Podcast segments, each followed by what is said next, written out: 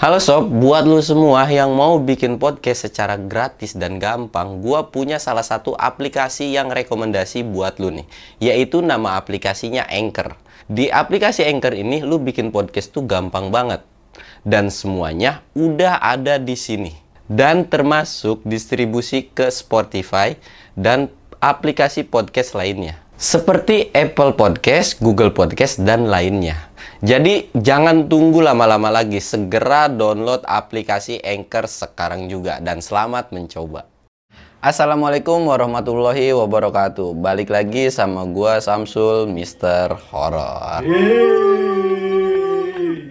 Nah, pada segmen dongeng horor gua kali ini gua bakal ngebawain sebuah cerita. Cerita apa nih bang? Ya, ini sih kayaknya lu bakalan seneng banget kali ya. Jadi gue bakal nyeritain tentang kejadian gue nyari belalang nih. Ada istilahnya namanya di kampung gue tuh nyari belalang. Cuman nyari belalangnya ini di tempat bekas tempat mutilasi. Jadi pernah ada kejadian mutilasi gitu kan. Ya, dan kejadian ini tuh dialamin sama gua, uak gua, Mamang, dan si Upi dan beberapa warga yang lainnya. Jadi ya udah gue pastiin ini cerita yang paling lu tunggu kan. Jadi nggak usah banyak bacot lagi ya, kita masuk aja ke ceritanya. Cuman sebelum masuk ke ceritanya, lu wajib subscribe channel gua, jangan lupa like dan komen. Dan bagi lu semua yang mau ikut open trip gua bisa kunjungin ke Instagram gua. Jadi kita langsung aja masuk ke ceritanya. Dongeng horor dimulai.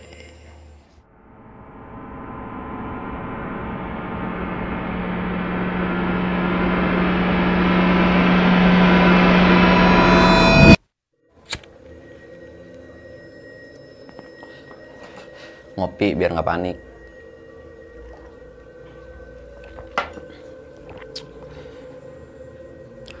Nah, cerita ini berawal dari gue liburan sekolah. Kejadian ini tuh sekitar tahun 2006, 2007 mungkin ya. Jadi zaman-zaman gue sekolah SMP lah. Jadi ketika gue liburan sekolah, gue bi biasanya ngelakuin kegiatan cari duit. Dari zaman sekolah gue udah nyari duit sendiri. Nah, pada saat itu gue main ke rumah uang gue kan. Kondisi lagi di rumah uang gue. Pada saat di rumah uang gue ini, gue lagi bikin tahu nggak lo mainan anak-anak zaman dulu kayak peletokan yang dari bambu pakai koran gitu kan. Nah kayak begitu. Jadi kerajinan lah. Karena yang keluar gua tuh gua tuh jualan kayak gitu. Jadi kalau misalkan pas masa liburan atau musim-musiman jualan peletokan, layangan dan lain-lain. Dan gua di situ bantuin. Dan kondisinya pada saat itu kenapa gua harus kerja? Karena gua mulai dari SMP tuh udah mulai ngerokok gitu kan. Nah dari situ gua ketika gua lagi bikin peletokan mendadak ada mamang gua. Jadi ada gua, ada Upi, ada Uwa. Lalu datanglah mamang gua ini. Mamang gua datang pas ketika datang dia langsung ya ngucap salam lah gitu kan basa-basi ngobrol. Dan ya emang udah pada umumnya di keluarga gitu kan ngopi ngambil sendiri. Duduk tuh kita berempat. Ya nggak berempat sih sebenarnya ada beberapa orang lain. Cuman ya yang fokusnya kita ke berempat aja. Duduk. Tiba-tiba mamang gue bilang kang ada proyek ya ya yang artinya kang ada proyek nih gitu kan. Proyek apaan? Disuruh nyari belalang sama orang nggak tahu tuh orang mana dia butuh belalang dia sekian kilo gitu kan. Terus gimana nih pembayarannya? Duitnya ada nggak? Kenceng nggak? Kata gua. Ya lumayan sih. Kalau mau sikat aja gitu. Ya udah akhirnya kata mamang udah pokoknya masalah duit dan lain-lain itu aman. Udah pasti kita dapat untung gitu kan. Karena memang ya udah e, kerjaan ini tuh bisa dikesampingkan gitu kan. Akhirnya ya udahlah kita ngebentuk beberapa tim. Dari situ ya udah panggil deh si Anu, si Anu, si Anu, ntar gue bawa bocah berdua juga nih, ngajak si Upi sama si Samsul buat ngikut juga gitu kan, mumpung mereka lagi liburan, lumayan buat tambahan mereka buat duit jajan. Akhirnya ketika udah kayak gitu, mamang gue nyari tuh beberapa orang buat ngikut. Ya nggak tahu ya pada saat itu sih memang bisa dibilang belalang tuh beberapa untuk beberapa orang yang suka belalang itu dagingnya enak gitu. Gua pun salah satu orang yang suka belalang. Cuman kalau gua makan daging belalang itu biasanya alergi. Ya kalau lagi pengen mah tetap gua makan biarpun alergi gitu kan. Mamang gua pergi, ya udah gua mah terus aja ngelanjutin kerjaan gua tuh bikin peletokan gitu kan, bikin peletokan. Udah sore tiba-tiba mamang balik lagi mamang balik lagi nih udah dapat nih empat orang lagi apa lima gitu gue kurang tahu juga ya udah mau berangkat kapan mau digas kapan karena rencananya tuh nyari belalangnya tuh estimasi kita nyari belalang tuh mungkin sekitar 3 sampai 4 hari gitu ya. Maksudnya nggak nginep juga, cuman tiap malam kita jalan, tiap malam kita jalan sampai 4 hari. Harusnya selama 4 hari itu kita dapat target gitu kan belalangnya, belalang pesanan ini uh, udah bisa dikirim lah. Oh ya udah, ntar malam aja langsung habis sisa kita berangkat gitu kan kata gua. Ya udah Kang, gue mau prepare dulu, mau sekalian nyiapin ini makanan dan lain-lain kan. Ya udah siapin. Tiba-tiba dia mamang tuh Noel ke gua. Eh lo ikut lo nyari belalang buat nyari tambahan. Iya mang. Gue cuma jawab gitu doang kan. Pada saat itu nggak yang terlalu barbar banget sih keluarga gue sama gua. Akhirnya setelah uh, mamang gue pergi karena udah mau masuki sore juga ya udah gue juga balik tuh ke rumah gue pamitan juga sama orang tua gue kan sama mama gue Mah, gue bilang gue diajakin nyari belalang nih sama si Mamang ntar malam. Wah, yang bener lu. Iya, gue bilang sama si Mamang, sama sama si Upi juga katanya ada kerjaan gitu, ada yang mesen belalang. Oh ya udah, hati-hati aja. Mah, gue bilang kayak gitu. Setelah maghrib, gue berangkat lagi ke rumah gue. Berangkat dan ternyata setelah itu pun belum masih belum ada siapa-siapa. Ya malumin aja ya. Nggak di mana nggak di mana kalau orang dijanjiin udah isya ya ternyata belum pada datang gitu. Akhirnya pas udah nunggu lama ternyata kita berangkat jam 9 berangkatlah kita jam 9 ke salah satu kebun. Jadi memang kawasan di daerah gue ini kenapa bisa banyak belalang? Karena banyak tanaman yang bisa dibilang uh, kebun singkong. Karena belalang kan suka daun-daunan ya. Jadi banyak banget singkong terus uh, padi padi merah gitu kan. Sedangkan padi merah itu beras merah itu biasa ditanam di bukan di sawah tapi di tanah kayak di dataran tinggi pegunungan kalau di daerah gua. Kayak bukit-bukit lah. Jadi kita berangkat ke kebun yang dekat rumah gua nih. Jadi dari kampung gua tuh dekat lah. Mungkin bisa ditempuh setengah sampai satu jam gitu perjalanan untuk sampai ke kebun itu. Berangkat. Nah dan untuk penerangan pada saat itu bukan pakai senter, tapi mungkin dari lu ada yang tau lah istilah ngobor kalau orang Sunda. Itu tuh pakai jenisnya tuh kayak karbit, kayak bikin sendiri gitu kan dari karbit. Dan nanti kan kalau dari karbit pokoknya udah diolah jadi lampu gitu, itu lampunya terang banget. Mungkin beberapa dari lu bisa kasih tau lah namanya itu apa gue lupa lagi, bisa lu tulis di kolom komentar. Nah, berangkat kan, pas gue berangkat ternyata kebunnya itu penuh sama orang cari belalang juga. Dan yang seharusnya estimasi gue dapet target pada saat itu akhirnya kita nggak dapet belalang. Dapat belalang cuman nggak sesuai kebutuhan gitu. Nggak capai target satu malam itu harus dapat segini. Ya karena kesel kan kita juga udah bawa bekal makanan akhirnya ya udah tuh.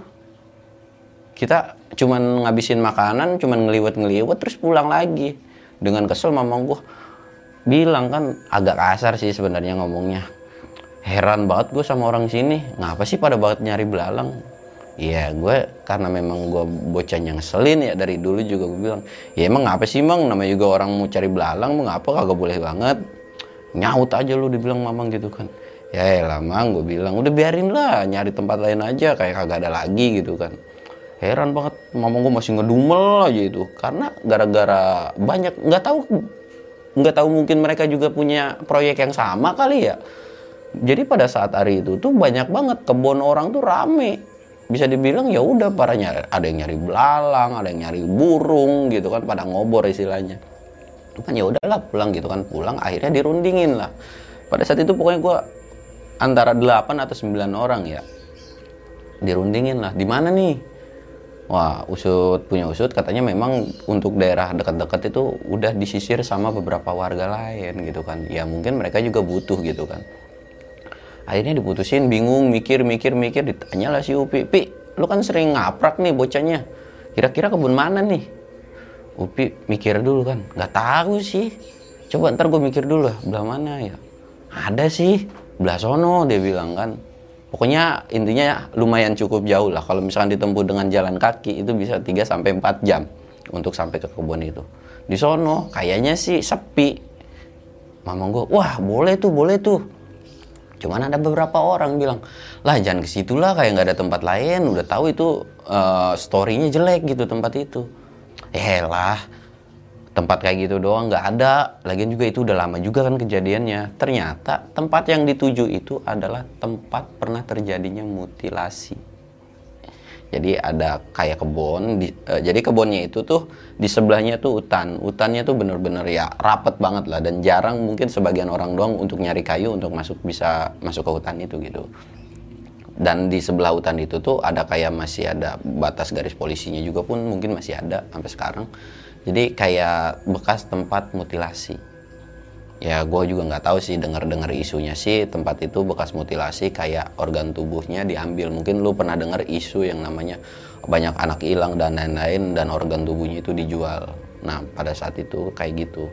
Dan si mayatnya si orang yang meninggalnya itu itu bukan warga asli daerah orang Sukabumi. Jadi bisa dibilang orang jauh lah nggak tahu. Itu juga nggak bisa dinotip orang mana gitu kan akhirnya karena memang orang itu juga udah gampang tenang aman aman gitu kan. Nggak ada yang harus ditakutin gitu. Lagi pula yang paling ditakutin mungkin ya hewan-hewan aja ular atau babi gitu kan.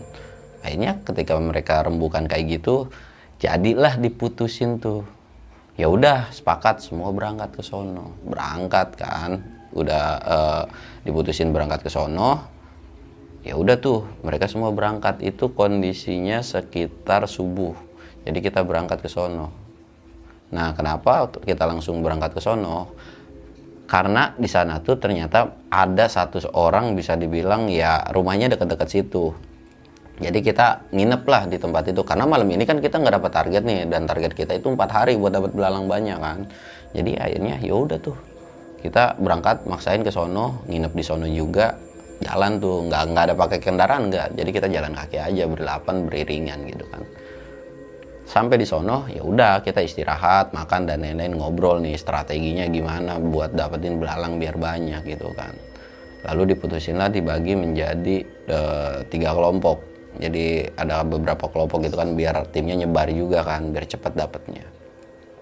Setelah kita ngobrol-ngobrol siang udah dilewati pagi udah dilewatin siang udah dilewatin akhirnya kita diputusin lah buat berangkat abis isya lagi berangkatlah kita habis sisa. Nah kali ini kalau sebelumnya gue bawa perbekalan itu cukup yang bisa dibilang udah matang semua. Sekarang kita bawa mentahannya, jadi ngeliwat aja gitu kan di kebun tuh bakal ngeliwat aja.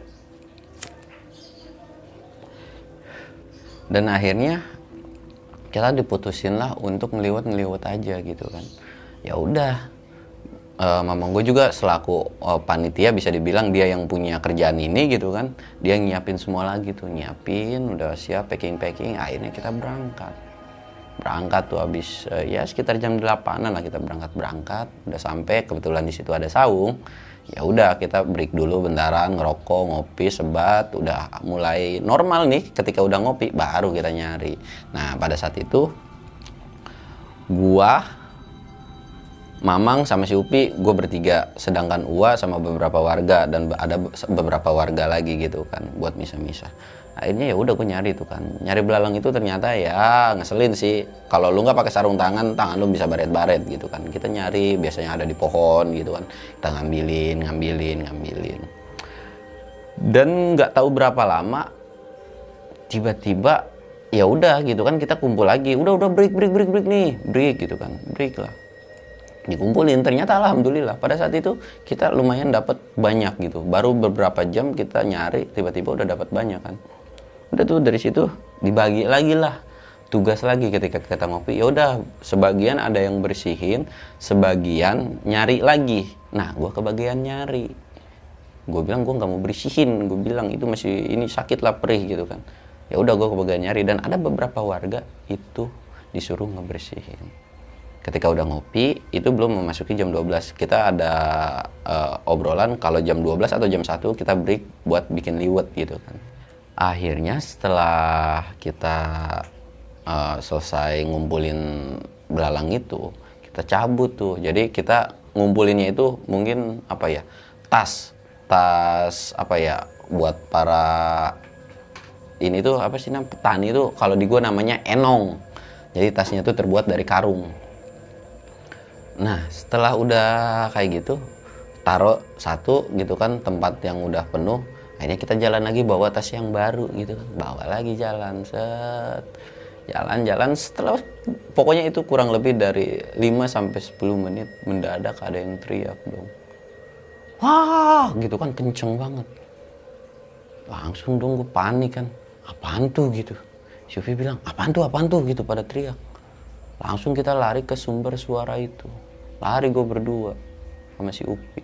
Pas gue lari ditarik sama mamang gue lu berdua mau pada ke mana? Jangan lari enaknya gitu kan kata mamang gue itu mah gak ada yang teriak. Kagak ada yang teriak. Udah lu nyari lagi.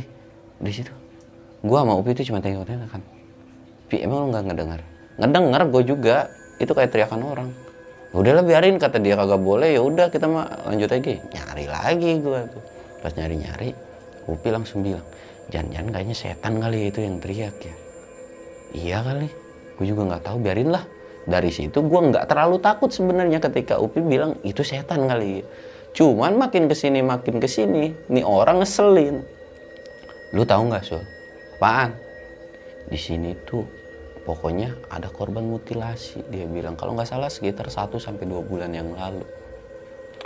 Gue bilang iya gue juga tahu sih dengar beritanya lu tahu nggak dia nakut-nakutin gue gitu si Upi ini korbannya tuh dibedel jadi sorry ya bukan bermaksud gue mau gimana gimana intinya dia ngejelasin tuh ya gimana sih kalau korban mutilasi itu potongannya kan manusianya itu udah pasti dipotong-potong dan itu bikin gue kayak mual, jijik dan lain-lain.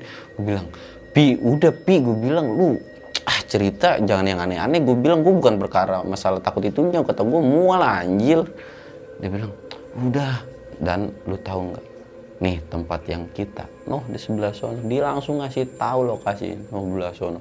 Dari situ gue langsung kayak mulai anjir gue bilang. Tapi gue pas lihat kiri kanan ternyata gue emang jauh dari beberapa kelompok lain gitu kan wah gue bilang kacau banget nih bocah udah akhirnya gue agak ngedeket tuh ke si Upi jadi pas lagi nyari itu agak mepet-mepet dia kan dari situ gue udah nyari gue sambil celangak celingku yang ujungnya yang awal awalnya gue pertama biasa cuek bebek gitu kan ya udah nyari nyari aja gitu kan. Si gara-gara udah dikasih tahu sama si Upi ini ya mau nggak mau rasa parno gue udah muncul udah takut gitu kan. Udah nyari gitu. Udah ya dalam keadaan ketakutan lah pada saat itu. Tiba-tiba dari samping kayak bunyi bunyi kedenger kresek kresek gitu kan. Wah gue bilang apa ya babi apa ular nih? gitu kan gue tengok ah kagak ada apa-apa. Bunyi lagi kresek kresek kresek. Nggak ada apa-apa lagi. Beberapa kali bunyi kresek kresek ya karena gue liatin itu nggak ada dan nggak ada. Sampai akhirnya gue kesel gue ngambil batu. Baru gue mau lempar itu batu ke arah yang bunyi yaitu dari sisian hutan gitu. Tiba-tiba ngomong gue ngaget gitu. oh iya gitu kan. Gue dari situ langsung lemes dengkul gue udah nggak bisa ngapa-ngapain duduk kayak gitu. Gue bilang mang udah mang. Gue bilang lu jangan bikin gue takut. Itu gue udah hampir mau nangis gitu kan. Gimana sih kalau bocah kecil di iniin mulu sama orang dewasa gitu kan? Dari situ udah tuh mamang gue masih upi mah ketawa-tawa aja. Gue udah lemes banget. Udah dari situ gue pengen pulang kali ya pengen pulang. Cuman ya udah gitu kan mau gimana lagi? Udah ke situ nggak mungkin juga gue pulang. Kalau pulang ya gue takut juga udah malam kan dari situ udah gue mau balik ke saung gue bilang. Males gue mendingin bantuin nyari apa ngebersihin belalang aja daripada ikut sama lo ya udah lu sono pergi. Jalan tuh gue pelan pelan tiba-tiba ada yang teriak lagi. Ah tolong tolong gitu kan. Teriak tuh pas udah teriak kayak gitu gue tuh tadinya ya udah mau kayak awal kan biasa-biasa aja. Dan ternyata ketika udah teriak kayak gitu di belakang gue ternyata Upi sama Mamang beneran lari kencang banget ninggalin gue push gitu kan. Gue bilang anjir nih orang kata gue ngapa lari dah? Udah gue juga ikutan lari kan ke arah sumber suara. Ternyata bener. Teriakan yang kedua kali ini tuh bener. Dari arah orang yang lagi ngebersihin belalang kenapa alasan orang ini teriak? Dari banyaknya belalang. Itu nemuin jari lu bayangin jari jari manusia. Beneran jari manusia. Itu jadi kayak apa ya bisa dibilang udah mau busuk kali ya. Pokoknya itu beneran pertamanya tuh si uh, sebut aja Kang Dudung gitu ya. Si Kang Dudung ini tuh bilang gua kira tuh itu cuman kayak kayu karena kondisinya udah apa ya udah hitam dan lain-lain gitu kan. Cuman makin dikletek kok bisa ngeletek. Dan ternyata pas udah dikletek itu bagian tulangnya kelihatan dari situ panik dong semua juga panik.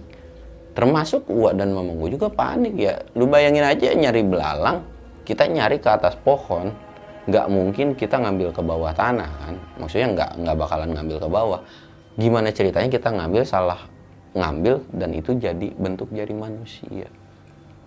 Dari situ ya udahlah gimana nih? Mau diterusin atau enggak?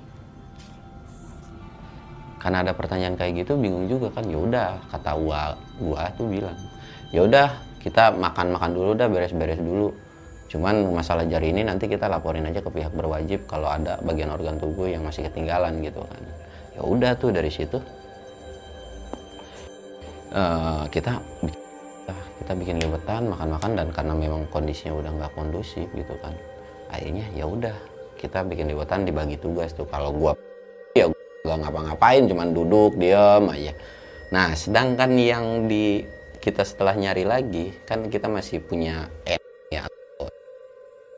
dua nih. Ditaruh lah dikumpulin belum ada yang dibuka. Kita diem. Pas sudah diem gitu kan uh, semua juga diem. Yang lain ada yang masak sedangkan yang diem tuh gua gua mamang gua si Upi juga diem. Jadi udahlah mereka berempat yang bagian masak karena udah dibagi tugas masing-masing. Udah gitu diem aja. Nggak ada obrolan ya ngobrol-ngobrol biasa aja lah gitu kan. Makan masakan udah jadi sekitar jam 2 itu masakan udah jadi uh, la, uh, lauk pauk udah jadi dan ini udah jadi. Akhirnya kita makan. Dan ketika makan mulailah tercium bau-bau aneh dan ada teriakan kesakitan. Teriakan kesakitan itu kayak gini kurang lebihnya. Tolong tolong balikin punya saya balikin punya saya kurang lebihnya kayak gitu dari situ ketika udah mulai cium bau nih dan dari situ gua gua kesel dong. Apaan sih nih bawa apaan sih? Bawa apaan? Udah lu jangan ganggu tim gua dia bilang kan. Dibentak tuh dalam hati gua. Ih sakti bener gua bilang setan sampai dibentak begitu. Ya memang udah nggak aneh kalau deket sama gua. Deket sama uwa gua gitu kan. Emang udah nggak aneh lah udah sesuatu hal yang biasa. Dari situ ketika ngedengar suara kayak gitu uwa gua cuman bilang apa yang mau dibalikin nih jari lu ambil sini kalau mau Wah, gue nyeletuk begitu dong, dan gak lama dari celetukan kayak gitu. Ada sosok yang muncul dari nggak jauh dari saung pokoknya, muncul gitu. Dia cuma ngeliatin kita lagi makan. Gue yang ngeliat itu langsung gue ngumpet di belakang gua gitu kan wah itu apaan wah wah itu apaan wah gue bilang gue takut gue takut. Karena pada saat itu gue masih blow on blow on banget tablo banget gitu kan masih ya takutnya lah parah lah gitu. Wah itu apaan? Gue sampai kayak mau nangis. Udah diem lu diem lu. Dari situ juga beberapa warga pun ada yang ketakutan gitu kan. Cuman ya nggak takut gue sama mamang gue doang. Upi pun masih ada. Uh, masih lumayan cukup takut lah pada saat itu kan. Akhirnya uh, gua gua lu mau ngapain? Lu mau jari? Diambil tuh jari dilemparin. Tuh ambil tuh jari lu kalau memang itu jari lu. Dia cuma ngeliatin. Jadi kondisinya tuh memang badannya kelihatan ya. Maksudnya uh, dia tuh kayak pakaian tuh cuman nggak terlalu full lah. Jadi cuman pakaiannya biasa aja. Dan ketika nggak tahu gimana ceritanya ini bagian perut mendadak keluar. Jadi kayak di keluar aja gitu ber ke bawah dari situ wah gue langsung mual langsung muntah gara-gara ngeliat itu. Wah wah gue muntah gitu kan semua itu muntah karena ngeliat kayak gitu lah. Sedangkan gue mah kagak muntah orang gue ngumpet gitu kan kagak tahu kejadiannya. Akhirnya setelah muntah-muntah kayak gitu wah gue langsung kesel dong. Jalan dia ke depan. Jalan ke depan nggak tahu wah gue baca apa dilemparin tuh. Kayak tanah jadi ngambil tanah dilemparin. Dan sosok itu langsung hilang kan nah karena memang kejadiannya udah nggak bener lah akhirnya ya udah kita diputusin lah buat pulang. Tapi jari itu ternyata bener jari itu tetap jari manusia. Akhirnya jari itu diambil dibungkus pakai kain lalu buat laporan ke kantor polisi gitu kan. Ya udah kita pulang tuh. Pulang. Nah gua kira kita akan berakhir di situ ternyata ketika kita pulang bahkan itu memang kita udah pulang ke rumah masing-masing nggak ke rumah si yang awal ini ya. Jadi kita udah pulang ke rumah masing-masing. Dari situ gue pun nggak punya kejadian apa-apa. Dan lu tahu di situ sempat geger yang namanya uh, dari kelompok tim gue yang ikut untuk nyari belalang ini sampai dibawa mimpi lu tahu nggak sampai di bawah mimpi. Dan itu nggak bisa tidur bener-bener katanya si satu warga ini Kang Dudung ini dia tuh diteror. Diteror sampai ke alam mimpi gitu kan. Dan yang diterornya ke dalam mimpi itu dia bilang balikin balikin. Nggak tahu nih apa yang mau dibalikin gitu kan ya mungkin gue tahu itu korban mutilasi. Ya mungkin arwahnya nggak tenang. Cuman kan selain kita berdelapan sebelumnya pun banyak orang lain gitu kan yang tahu dan lain-lain ya Kang Dudung juga bingung apa yang mau dibalikin apa yang mau dibalikin. Akhirnya setelah kayak gitu kan Kang Dudung juga udah bingung gitu mau kayak gimana kayak gimana. Dia juga udah berobat udah nanya ke kiai dan lain-lain. Tetap aja itu diteror. Sampai ada kejadian di mana menurut Kang Dudung rumahnya pernah diketok. Diketok pintu. Jadi diketok pintu kayak orang bertamu cuman nggak ngucapin salam nggak apa cuman ngetok pintu aja.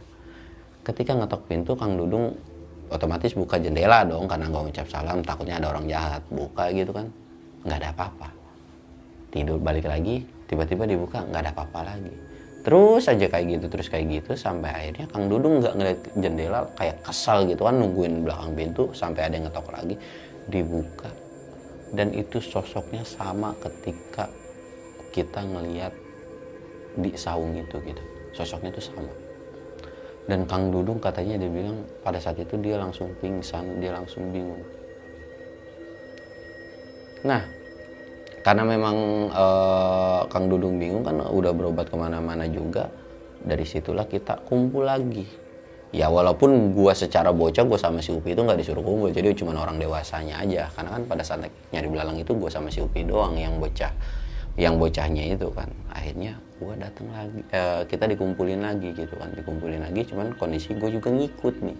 Ikut biasa lah nguping seru kan kalau ngupingin omongan orang tua tuh apalagi cerita cerita cerita kayak gitu kan. Oh iya satu lagi. Lu pada saat kita turun tuh gue uh, uak gue tuh benar-benar ngelaporin ke polisi bahwa masih ada uh, potongan jari manusia gitu kan. Jadi ya memang udah diurus-urus dan lainnya ribet gitu kan. Ya udah nggak ada apa-apa juga dan pihak polisi pun terima kasih karena udah nemuin gitu kan.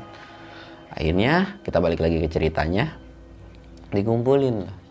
Dikumpulin tuh uh, Kang Dudung ini curhat ke gua gua Kang ini gimana ya? Maksudnya kok bisa sampai diteror gini? Padahal kan kita nggak ngelakuin apa-apa.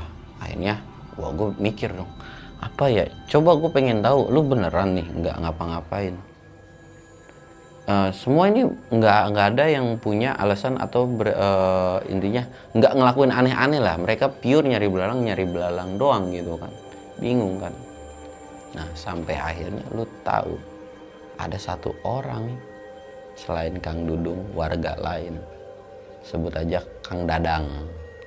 Nah si Kang Dadang ini ternyata dia nemu satu barang dan barang itu diambil pada saat itu kan kita nemu nemu apa nemu jari ya. Nah sedangkan si Kang Dadang ini nemu barang berharga. Yang bisa dibilang ya mungkin emas kali ya. Pada saat itu dia nemu barang berharga lah. Gue juga kagak tahu karena nggak dikasih tahu juga. Dia nemu barang berharga diambil. Dan lu tahu Kang, da Kang Dadang ini diterornya tuh gimana? Kita kan pulang nih dari sini. Jadi Kang Dadang tuh baru curhat. Kang Dadang ini pulang. Ketika pulang di enongnya ini kan masih ada belalang. Dan pas dibuka kepala ngeglinding Kang Dadang langsung panik teriak dan lain-lain. Jadi rumah kondisi rumah uh, Kang Dadang ini agak jauh gitu kan dari uh, beberapa warga yang ngikut ini. Makanya dari situ tuh Kang Dadang nggak berani cerita karena tahu. Dia juga ngelakuin kesalahan. Dan yang bikin diteror itu ternyata itu gitu kan dari situ wah gua kesel dong. Akhirnya Kang Dadang diomelin lah. Pokoknya itu diomelin abis-abisan sama gua gua bahkan sama mamang gua juga. Lu kan ke kebun itu udah dibayar gitu kan nyari belalang. Kenapa lu masih ngambil lagi? Masih ngambil barang orang. Kalau memang temuin uh, balikin aja. Pantesan aja lu digentayangin arwahnya penasaran gitu kan. Orang barangnya lu ambil. Akhirnya dia memilih kayak gitu. Dan poinnya adalah orang ini mau ngebalikin tapi barangnya udah dijual ke toko emas. Dari situ puyeng lagi aja gua gua diomelin lagi aja itu Kang Dadang. Gua yang pelengap longo yang dengerin gitu orang tua. Ngomel-ngomel gua cuma bisa ah ketawa ketawa aja gitu kan. Dari situ bingung tuh kan. Karena kondisinya kalau barang udah dijual kan nggak mungkin ditarik lagi gitu kan. Dan gimana juga cara harus balikinnya. Ya udah bingung tuh gua gua ya udahlah gini. Resiko masalah lu diteror itu lu tanggung sendiri. Gue bakalan mikirin kata gue gue gimana caranya? Lu ngejual itu ke mana? Ke toko emas dia bilang kan. Ke toko emas ini ini. Ya udah semoga itu barang masih ada. Besok gue cari solusinya lah. Akhirnya mereka bubaran. Baru mau bubaran dari rumah gua gua. Kang Dadang langsung lari. Jadi karena memang rumah gua gua ini ngelewatin sawah lari sampai nyublek ke sawah itu udah kagak kelihatan mukanya lagi. Dan itu kondisi mau pulang dia dicegat sama si sosok yang berantakan ini. Lari tuh ke gua kang kang tolongin kang. Gua gua gua mamang gua ketika ngelihat kang dadang dengan kondisi kayak gitu bukannya bukannya takut malah justru ketawa. Karena kondisinya penuh lumpur gitu. Ngapil pada lari-lari gitu kan. Di depan ada yang nyegat gua kang. Ya udah biarin aja itu tanggung jawab lu. Gue mau kagak ikut ikutan udah ke sono.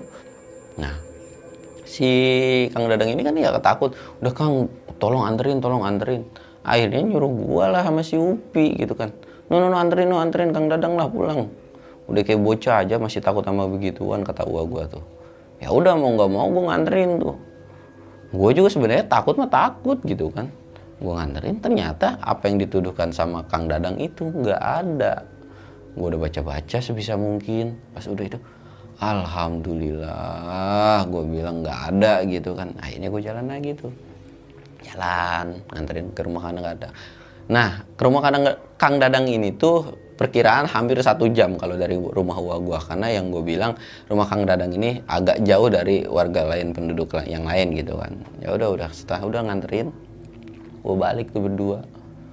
Pas gue balik nggak tahu gimana mata gue nih kayak pengen nengok aja ke rumah Kang Dadang. Di depan pintunya di depan pintunya gue kira itu Kang Dadang. Ternyata setelah gue perhatiin perhatiin itu bukan Kang Dadang tapi itu sosok yang gue lihat sama warga lain lihat ketika nyari belalang. Dari situ gue bilang Bibi itu apaan anjir? Gue bilang kagak tahu itu sosok yang waktu itu kali ya Nah, Upi bilang, samperin yuk, samperin yuk. Wah, gue bilang jangan ngadi-ngadi lu main samper-samperin aja. Udah samperin aja, kasihan Kang Dadang, takut ketakutan. Ah, nggak mau dah lu aja gitu kan. Ah, lah takut banget. Ditarik tangan gue dong kayak mau disamperin. Tapi udah pi, gue bilang gue kemarin aja di sono gue udah ditakut-takutin sama lu. Nah, akhirnya karena Upi ya udahlah biarin aja itu urusan Kang Dadang. Ya akhirnya ketika udah sampai percabangan gitu kan ya udah gue mencar tuh. Walaupun gue udah ngerengek ngerengek gimana masih Upi dia tuh kagak mau tuh nganterin gue ya udah kan mau nggak mau gue lari itu. Setelah mencar gue lari kenceng ketika gue lari ya gue sempat nengok juga kan si Upi ada nggak gitu. Jadi lu tahu kan kalau orang ketakutan kondisi di belakang ada orang gitu kan ngeliatin masih ada nggak? Oh berarti aman gitu. Lari lari lari lari gitu kan. Kedenger tuh bunyi tolong tolong ngerintih begitu. Gue dari situ diem kayak ngerem lari kencang ngerem set. Aduh gue bilang. Ya pada saat itu gue ya bisa dibilang blow ya blow juga. Kenapa gue harus diem juga gitu kan? Kenapa nggak terusin lari? Gue nyari itu sumber suara itu yang minta tolong. Celangak celinguk kiri kanan gitu. Pas udah gue celangak celinguk nggak ada. Cuman feeling gue jelek nih. Gue mau ngeliat ke belakang. Gue mau ngeliat ke belakang tapi ragu-ragu. Gue nengok ke belakang akhirnya memberanikan diri. Nengok ke belakang. Dan ternyata itu nggak ada apa-apa juga. Ya udahlah gitu kan. Dan suaranya juga udah mulai hilang. Gue jalan tuh jalan cepet jalan cepet. Dari depan kayak ada orang jalan juga gitu. Ada jalan juga. Gue diem nih. Aduh ini orang apa bukan ya gitu kan. Ya udah gue jalan. Jadi kondisi jalannya itu agak lebar kan. Ya harusnya gue jalur belah kanan gitu. Yang tadi awalnya gue jalur kanan karena ada orang sebelah kanan gue jadi agak melipir jalur ke sebelah kiri gitu. Jalan pelan-pelan. Gue agak nunduk tapi sambil mata gue ngeliatin nih ke orang yang mau jalan ini. Nunduk jalan-jalan ketika gue udah mulai papasan gitu si orang ini diem. Gue mendadak kayak refleks juga diem juga. Aduh kenapa gue bilang? Ini orang bukan ya? Gue nengok ke bawah. Masih gue pandangin tuh kaki. Dan ternyata ketika gue ngeliat isi perutnya keluar amburadul ber ke kakinya. Dari situ gue panik teriak dan gue bukan balik ke rumah. Tapi gue balik ke arah si Upi jadi kayak harusnya gue balik itu padahal udah deket deket rumah gue gitu kan. Harusnya balik ke rumah gue tiba-tiba gue balik dong balik lagi ke arah Upi gue lari sekenceng-kencengnya sampai teriak-teriak tolong tolong gitu kan. Itu satu kampung geger dong karena gue minta teriak tolong tolong akhirnya pas sudah sampai pertigaan itu gue ngejar Upi. Ternyata si Upi itu masih diem aja standby di situ. Dia ambil duduk aja ambil ngerokok. Kenapa lo habis nemu apaan? Dia bilang Pi gue bilang gue gue ceritain tuh gue ketemu sosok yang kayak gini. Upi cuma ketawa-ketawa doang. Gimana? Seru nggak anjir Pi tolongin gue itu udah nangis lagi. Karena kondisi ya masih bocah belum kayak gitu kan ya udah ketemu yang begitu gue nangis kan gue nangis. Pi Pi tolong balik uh, anterin gue balik anterin gue balik. Dan bahkan ada beberapa warga yang keluar gara-gara gue teriak gitu kan. Apa sih ini berisik banget berisik banget. Gue sampai domel-omelin gitu. Cuman ya gue nggak nyeritain juga kalau gue ketemu setan. Cuman ya pada panik aja gitu kan ada apa malam-malam teriak. Ya mungkin kalau bagi warga kenakalan bocah gitu kan.